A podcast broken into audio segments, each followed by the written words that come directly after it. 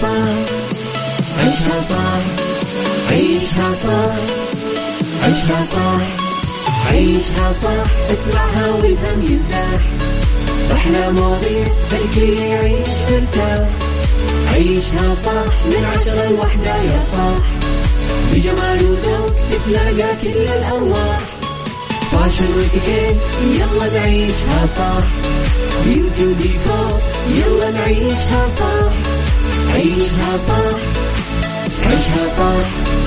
على Mix FM يلا نعيشها صح. الآن عيشها صح على Mix FM. Mix FM هي كلها في ال mix. هي كلها في ال mix.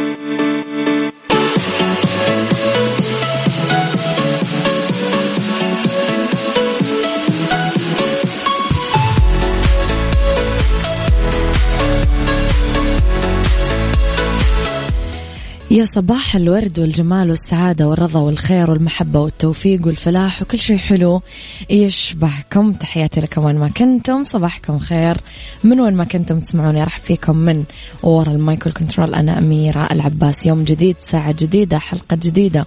ساعتنا الأولى أخبار طريفة وغريبة من حول العالم. جديد الفن والفنانين آخر القرارات اللي صدرت ساعتنا الثانية. قضية رأي عام وضيوف مختصين ساعتنا الثالثة صحة وجمال وديكور وفقرات طبعا متنوعة. على تردداتنا بكل مناطق المملكة تسمعونا. آه، جدة 105.5 الرياض والشرقية 98 آه، رابط البث المباشر وتطبيق Mix FM بكل أنحاء العالم. آه على رقم الواتساب تقدرون تتواصلون معنا على صفر خمسة أربعة ثمانية, ثمانية واحد, واحد سبعة صفر صفر أما على at Mix FM Radio تويتر سناب شات إنستغرام فيسبوك جديدنا كواليسنا تغطياتنا وآخر أخبار الإذاعة والمذيعين. لخبرنا الأول أنه وياكم مؤكد المتحدث الرسمي لوزارة الصحة دكتور محمد العبد العالي أنه الجائحة لا تزال قائمة على المستوى العالمي. لفت أنه التخفيف في الإجراءات ما يعني نهايتها. ولازم كلنا آه نحذر في ذلك. ومن أبرز الأمور المحزنة اللي تم تسجيلها عدد الوفيات اللي وصل لي للأسف أكثر من خمس ملايين حالة. كما أنه من الأمور المبشرة هو تجاوز عدد اللقاحات اللي أعطيت حول العالم واللي تجاوزت سبعة مليار جرعة. ولهذا فالجائحة مستمرة وفي دول تشهد ارتفاعات ملحوظة. ومن أهم أسباب الارتفاع هو التراخي السريع بالإجراءات إضافة إلى عدم استكمال التحصين. طبعا بعث المتحدث الرسمي لوزارة الصحة بأربع رسائل مهمة. مفادها آه، الضرورة الملحة بالمسارعة لاتخاذ الخطوة الأهم بأخذ الجرعات لما فيها من أمان بحول الله من الإصابة بالفيروس. آه بعدين نستكمل طبعا جرعاتنا. إذا كنا من المبادرين في أخذ الجرعات لازم نعززها بالجرعة الثالثة التنشيطية. وما نستهتر ونلتزم بالإجراءات طبعا الاحترازية. طلب كمان الدكتور عبد العالي ناخذ الجرعة التنشيطية بسرعة للناس اللي هم من فئات ذوي المخاطر العالية آه لأنها تخص الجانب المناعي إن الناس اللي زارعين أعضاء المصابين بالفشل الكلوي المزمن كبار السن وممارسين الصحيين وغيرهم. هذولا يعني عليهم طبعا آه ضغط أكبر. عيشها صح مع أميرة العباس على Mix FM Mix FM هي كلها في ال mix. هي كلها في ال mix. عيشها صح مع أميرة العباس على Mix FM. Mix FM هي كلها في ال mix. هي كلها في ال mix.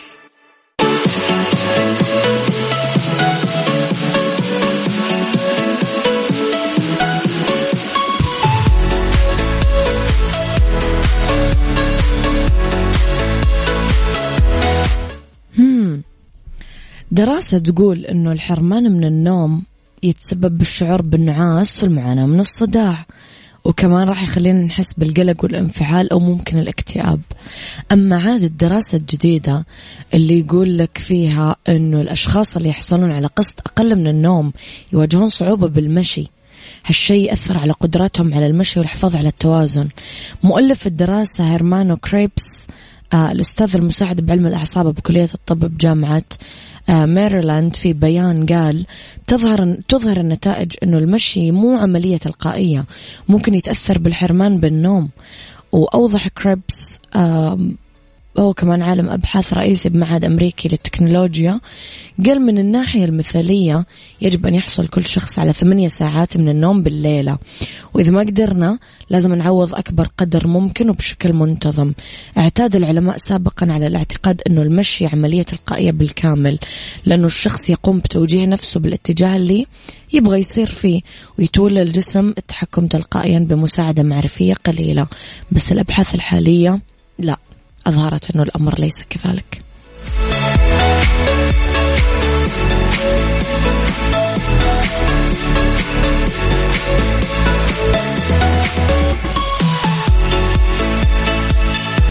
عيشها صح عيشها صح عيشها صح عيشها صح عيشها صح عيشها صح عيشها صح اسمعها والهم ينزاح. أحلى مواضيع خلي يعيش ترتاح عيشها صح من عشرة لوحدة يا صاح. بجمال وذوق تتلاقى كل الأرواح. fashion واتيكيت يلا نعيشها صح. beauty وديكور يلا نعيشها صح.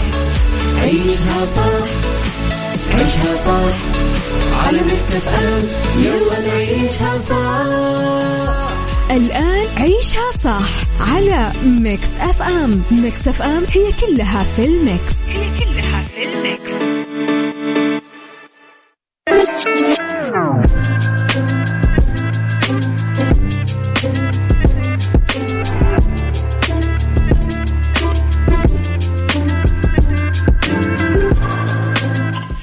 يا صباح الهنا والورد والسعادة والرضا والخير والمحبة والتوفيق والفلاح وكل شيء حلو يشبهكم. تحياتي لكم وين ما كنتم. آه، أبو محمد الحربي صباح الفل.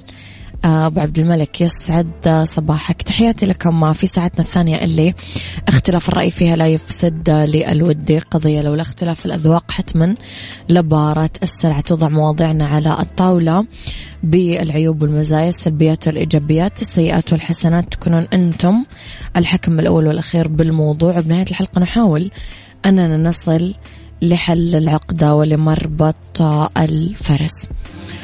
نتكلم عن بائعين الوهم. الناس اللي تبيع الوهم. هل اشتريت الوهم يوما؟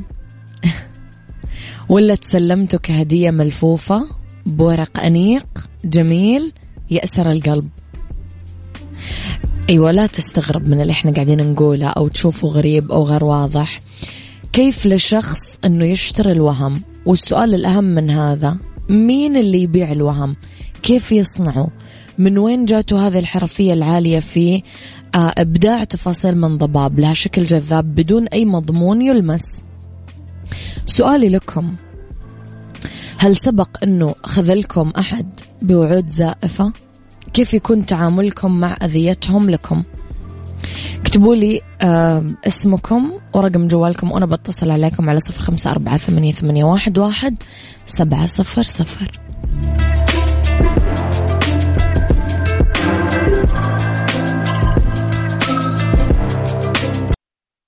عيشها صح مع أميرة العباس على Mix FM. Mix FM هي كلها في ال mix. هي كلها في ال mix.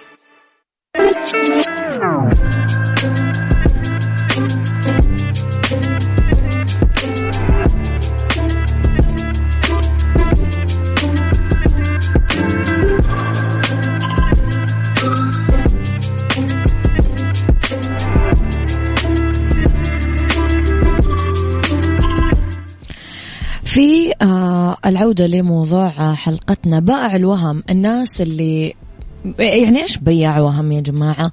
يعني ناس تعمل أو تصنع وعود وتنسى توفي فيها. تمنح الأمل وبعدين تخذلك ترسم مخطط للسعادة بعدين تسكب عليه حبر تعاسة. تصنع الأحلام وتنسفها بالكوابيس. تكتب أشعار حالمة بعدين تختار لها لحن حزين. هذا ببساطة. ممكن تكثر التشبيهات والمعنى واحد. بياع الوهم شخص خبير بأنه يسرق فرحتك يتغذى على الوعود الكاذبة اللي تصنع السعادة المؤقتة اللي متبوعة بكسرة. تهشم ما بداخلك وتحتاج فيما بعد لكثير وقت عشان تجبره وتلملم أشلاءك النفسية المحطمة. غالبا بياعين الوهم يحملون صفات مشتركة. اجتماعيين يعاشرون الكل بدون تردد غير مسؤولين عما يقولون آه مو مسؤولين عن وعودهم. يرددون عبارة يلا نعيش اللحظة باستمرار. هذه العبارة السامة القادرة على تدمير أحلام مرة كثيرة. كم لحظة بحياتنا آه ممكن نقدمها على طبق من ذهب للآخرين بدون أمل بالبقاء أو الاستمرارية؟ هل خلقت لحظاتنا عشان نتبرع فيها لأشخاص يعيشونها ويرحلون من حياتنا؟ إحنا محطات عبور؟ نبيع المشاعر ونقدم السعادة بلحظات سعادة عابرة ما لها مستقبل؟ بياع الوهم. يعني ملك البحث عن اللحظات العابرة. وغالبا عنده حياة موازية. يعني عنده حياة أنتم ما تدرون عنها. حياة غير اللي يوريها للناس. عنده جانب مظلم. آه قد يكون فيه هو الضحية بدلا من الجلاد. تتمارس عليه ضغوط ويستغلونه وينتقصون من شأنه فيجي يطلع طبعا عقده عندكم. وبما أنه تفكيره محدود وقدراته على المواجهة شبه معدومة يقرر صنع حياة موازية يكون هو بطلها بلحظات عابرة غير مبالي آه، بمحطات العبور غير مهتم بالمشاعر اللي قاعد يدعس عليها كل شوي. ضحايا بياعين الوهم عاشقين اللحظات العابرة غالبا ما يكونون بسطاء حالمين يعتمدون على خيالهم على عواطفهم يحسنون الظن. بالناس اللي حولهم. خبرتهم بالحياة تكاد تكون شبه معدومة أو فيهم آه، كثير من روح الطفولة. ينعمون بمخيلة تعتمد على ما جمعته من أعمال الكرتون الخيالية. اللي ما تعرفونه هو أنه ملوك العاطفة الحالمين هم اللي يسلمون المشاعر زمام الأمور. هذول أكبر فريسة لبائعين الوهم لأنه جدا سهل السيطرة عليهم بكلمات رقيقة وتصرفات أنيقة ومواقف حالمة للأسف.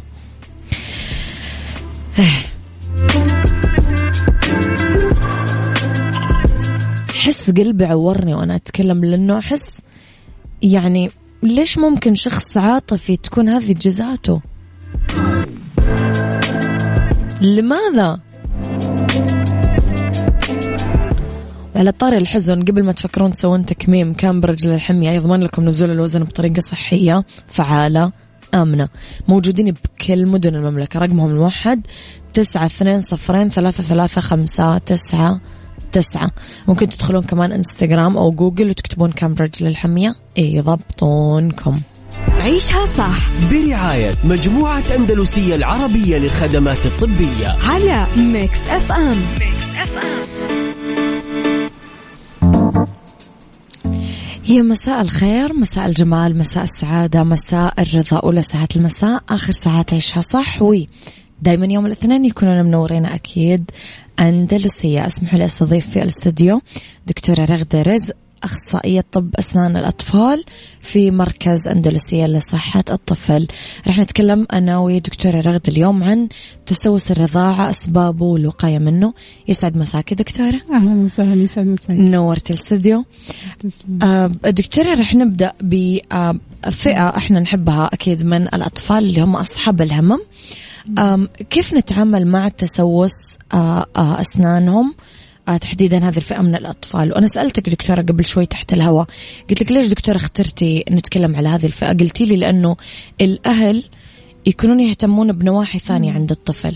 سو so, تمام هو ده مظبوط جدا. فعلا إحنا يعني آه، أحبابنا أصحاب الهمم نعم. بيكون عندهم تسوسات ومشاكل في الأسنان آه، قد تتطور لو الأم والأب ما انتبهوش المشكلة دي فبنحب نوعي الأهل بالاهتمام بأسنانهم.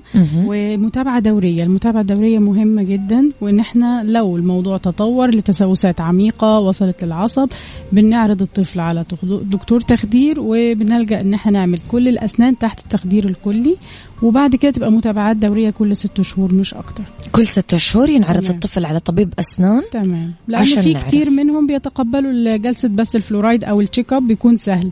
بعد ما نكون خلصنا كل العلاج آه، تحت التخدير الكلي. طيب آه، دكتورة التسوس أمر مزعج حتى عندنا إحنا الكبار فما بالك يمكن الأطفال مم. أكيد الألم أشد عليهم ومزعج تمام. أكثر. إيش سبل الوقاية منه؟ كيف إحنا نقدر نتخلص تماما من هذا الموضوع ونتجنبه تمام. فعلا هي الوقاية خير من العلاج. إحنا حقيقي. بنعمل آه، فحوصات دورية كل ست شهور. وبالنسبة للأطفال نبدأ أول زيارة لطبيب الأسنان لما يكون بداية أول سن لبنية في فم الطفل. مم. أو لما يكمل سنة. يعني مع عيد ميلاده الأول بناخده لطبيب الأسنان وبحيث إن هو الطفل يبدأ يتعود إن كرسي طبيب الأسنان ده مش حاجة مرعبة ومش تجربة مخيفة. لا هو يبقى عارف إن كل ست شهور بنروح لزيارة طبيب الأسنان وبالتالي لو متخصص أطفال هتكون ال atmosphere نفسه الجو مريح وفي ألعاب وفي ترفيه قبل ما يدخل للطبيب. فهو يعني بنتغلب على المخاوف للطفل من وهو صغير إنه يبدأ المتابعات الفحوصات الدورية. دي رقم واحد. اثنين إحنا عندنا في فلورايد ده بنبدأ نعمله من سنتين لثلاث سنوات. دي حاجة وقائية. نبدأ إن إحنا نحطها زي يعني مادة كده بسيطة تحط على كل الأسنان آه كل ست شهور. أوكي. بحيث إن إحنا ما نوصلش برضو لأي تسوسات آه، في المعتقدات القديمة دكتورة حقت لا تنام وأنت ما فرشت أسنانك أو لا تأكل حلويات كثير أو الحليب أحيانا أنا بسمع ما أعرف. صححي لنا دكتورة يعني هذه اسباب تسوس. من الحلويات دي سبب كبير جدا للتسوسات. وإن الطفل ينام واللبن في فمه دي من أكبر أسباب تسوس الطفولة المبكر كمان اللي هو تسوس الرضاعة. تسوس الرضاعة بيتطور بسرعة أكبر كتير من التسوس العادي حتى للكبار حتقدر دكتورة الأم تنظف أسنان الطفل في هذا العمر؟ آه في العمر الصغير ده بنستخدم يا إما فرشاة الإصبع بيكون الأم بت هي اللي بتنظف فم الطفل نعم. أو آه، شاشة حتى مبلولة بمية ونمسح بيها فم الطفل في بسرعة جدا. هي دي بتبقى حاجة مهمة إن اللبن ما يكونش الطفل نايم واللبن على أسنانه. هي دي اللي بتسبب التسوس. ما نترك ترسبات قبل النوم على طول. لازم نكون طيب. إحنا الكبار يا دكتورة عندنا رعب من موضوع دكتور الأسنان ما أعرف ليش ما في ما في ما في صداقة كذا بيننا وبين هذا الدكتور. فالأطفال يمكن أول مرة مثلا شاف فيها إبرة أول مرة شاف سمع صوت الجهاز حق التنظيف أو غيره. عنده رهبة أو خوف. أغلب مم. أغلب الأطفال يمكن قليل اللي متجوزين هذا الموضوع. مم. كيف أقدر أتغلب على هذه المشكلة؟ ده حقيقي. سؤالك رائع لأن هم كمان ممكن بيكونوا جايين لنا بتجربة سيئة مع راح مع مامته مع أخته. حقيقي. أو ممكن الدكتور يكون ما عنده اكسبيرينس كويسة أحيانا. وده من أهم أسباب وجود تخصص أسنان الأطفال إن إحنا نكسر عند الطفل الخوف والرعب من من دكتور الأسنان, الأسنان والدكتور بإن إحنا بنوفر له بداية من المكان نفسه هو مريح وجاي يلعب بره الأول قبل ما يدخل للدكتور وأول ما بيدخل عندنا العيادة بنعرفه على كل حاجة فهو مش بيبقى حاسس إن في حاجة مرعبة هتحصل لا أنا قبل ما أعمل أي خطوة بشرحها للطفل ومش بيلاقي أي مفاجآت خلال الزيارة. وبالتالي لما بيجي زيارة دورية كل ست شهور فمش هيكون في أي آه، صعوبة في التعامل مع الطفل. خلاص هو متعود إن أنا جاي لصاحبي دكتور الأسنان ده. إحنا بقينا خلاص في علاقة ثقة وصداقة ما بيننا. ما بقتش آه، الجلسة يكون فيها كلمة ثقة حلوة دكتورة. أنا أنا في هذا العمر لما أروح عند أي طبيب مم. أقول له لازم تقول لي إيش راح تعمل لي بالزبط. أو إيش راح تعمل فيني. ده حقيقي. آه لأنه لما تتفاجأ بحاجة تدخل لجسمك أو تنعمل فيك حتخاف. ده, ده طبيعي يمكن. مم. طيب الأسنان اللبنية دكتورة أنا أسمع أغلب الأهالي أو الناس بيعملوها لأنه خلاص حتوقع وحيطلع مكانها شيء ثاني. هل في داعي فعلا أنه نعالج الأسنان؟ إلى أن يتم؟ استبدالها بالأسنان الدائمة. طبعا ده مهم جدا إن إحنا نعالج الأسنان لأن إحنا لو ما تعالجتش تطور التسوس في الأطفال بيكون سريع جدا. مم. ممكن لو قارنا بزمان ما كانش في كمية ال sweets وال snacks والحلويات اللي بتتاكل زي زمان فده بيؤدي إن التسوسات بتتطور بسرعة. توصل لعصب تعمل خراج. نضطر إن إحنا كمان ممكن نخلع لأن بيكون خلاص آه. لو جه في وقت متأخر. بنضطر إن إحنا نخلع نعمل حافظ مكان حاجات زي كده. فلو لجأنا للوقاية من الأول بيكون الموضوع أفضل. وكمان ده بيأثر على الضروس الدايمة. طب اسمحي لي أسألك دكتورة لو مثلا أنا كأم كيف ممكن أنتبه إنه طفلي عنده علامات تسوس قبل ما أخذه للدكتور؟ في حاجة ممكن أنا أنتبه لها؟ آه طبعا بيكون في تغير في سن الضرس بيكون اللون آه اللون فيه لون على بني أو أسود كده أبقى متأكدة إنه وصل تسوس ممكن okay. يكون كمان عميق. آه التسوسات يعني بيبقى فيها دايما تغير في اللون. ألم ممكن؟ ينوجع الطفل شوي آه الألم ما نعتمدش عليه قوي لأنه بيختلف من طفل للتاني. في ممكن طفل ما يقولش أصلا إنه متألم هروبا من ال آه، روح الدكتور الأسنان دي ما أبغى أنام على ذا الكرسي. أيوه فلازم الأم تكون متابعة طبعا هي بنفسها. الدكتورة إيش المراحل اللي ممكن يتبنج فيها الطفل كليا؟ في علاج الأسنان؟ الطفل إحنا ممكن يتبنج من يعني في عمليات بتتعمل الاطفال من عمر سنة حتى عمليات غير الأسنان يعني أوكي. لو يسمع عن الشفة الأرنبية أو كده فما فيش خوف أو يعني رعب عن موضوع التخدير الكلي هذا بالضبط لا. سؤالي هل يأثر فعلا البنج الكلي لا. على صحه الطفل؟ لا طبعا الموضوع آمن ولازم نطمن الأهالي من الموضوع ده لأن إن إحنا نسيب الطفل ونهمل اسنانه ده بيؤدي لتطورات أوحش بكتير قوي من إنه يتخدر لمدة ساعة أو ساعة ونص الموضوع بنعمل فحوصات الأول بنعمل تحاليل بنعرضه على استشاري التخدير. كل ده بيتم عشان نطمئن إن حالة الطفل تسمح بالتخدير. وبعد كده بناخد خطوة العملية. ويعني أحب أطمن الناس إن هي الموضوع آمن تماما بيبقى خلاص كده يعني عدى كل الألم والخطوات اللي هي كانوا خايفين منها. والطفل ياكل يعني ياكل وده بيأثر على على جسمه وعلى نموه. لو هو في آلام على طول في اسنانه وضروسه ده بيأثر كتير على الأطفال بنلاقيهم مش عارفين ياكلوا كويس ومأثر على نمو الطفل. وموجوعين يمكن يعني. بالظبط. دكتورة نورتي حلقتنا اليوم. يعطيك ألف عافية. الله يعافيك أنا أنا لو طفل حروح لك على طول طبعا يعني مريحة جدا.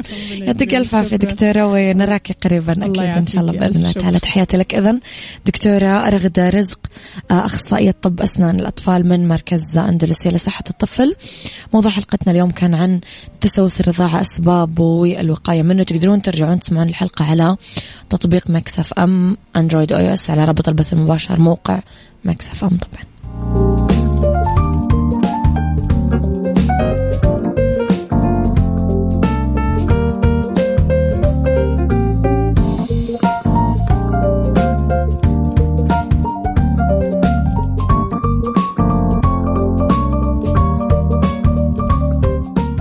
استمعوا إلى جديدي على Mix FM. عبد المجيد إبراهيم.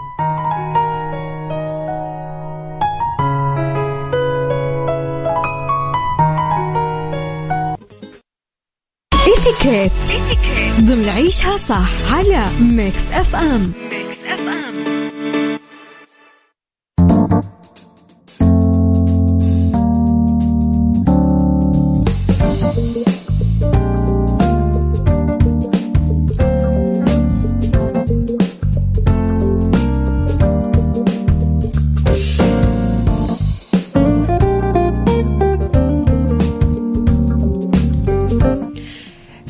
اتيكيت نتكلم على قواعد الاتيكيت بالمهرجانات. بما أننا داخلين على آه، موسم الرياض وعلى عدة مهرجانات والدنيا صارت حلوة.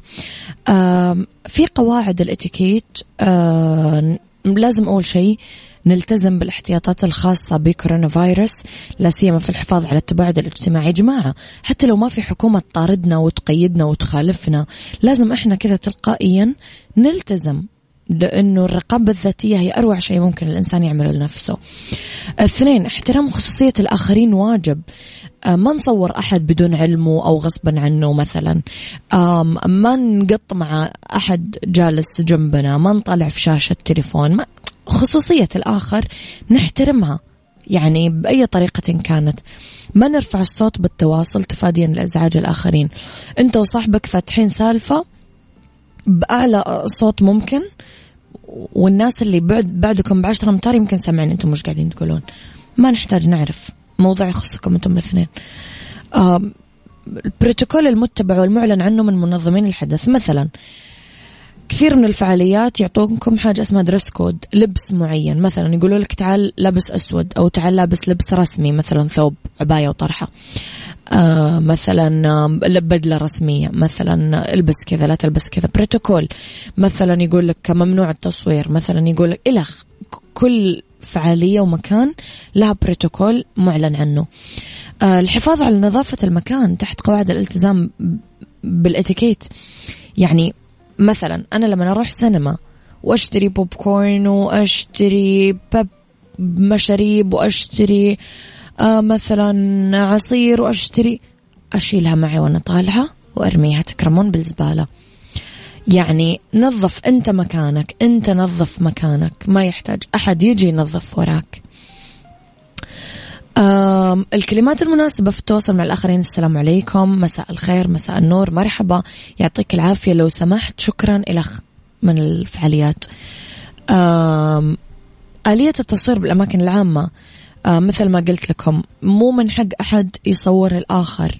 حتى لو الآخر مشهور مو من حق أحد يصور أحد هو ما يدري. لأنه أنت ما تعرف هو كيف يبغى يظهر للعلن. مو من حقك أنت تحدد له. اطلع بهذا الشكل. لا هو من حقه يختار الشكل والمكان اللي هو يبغى يظهر فيهم من جواله هو وليس من جوالك أنت.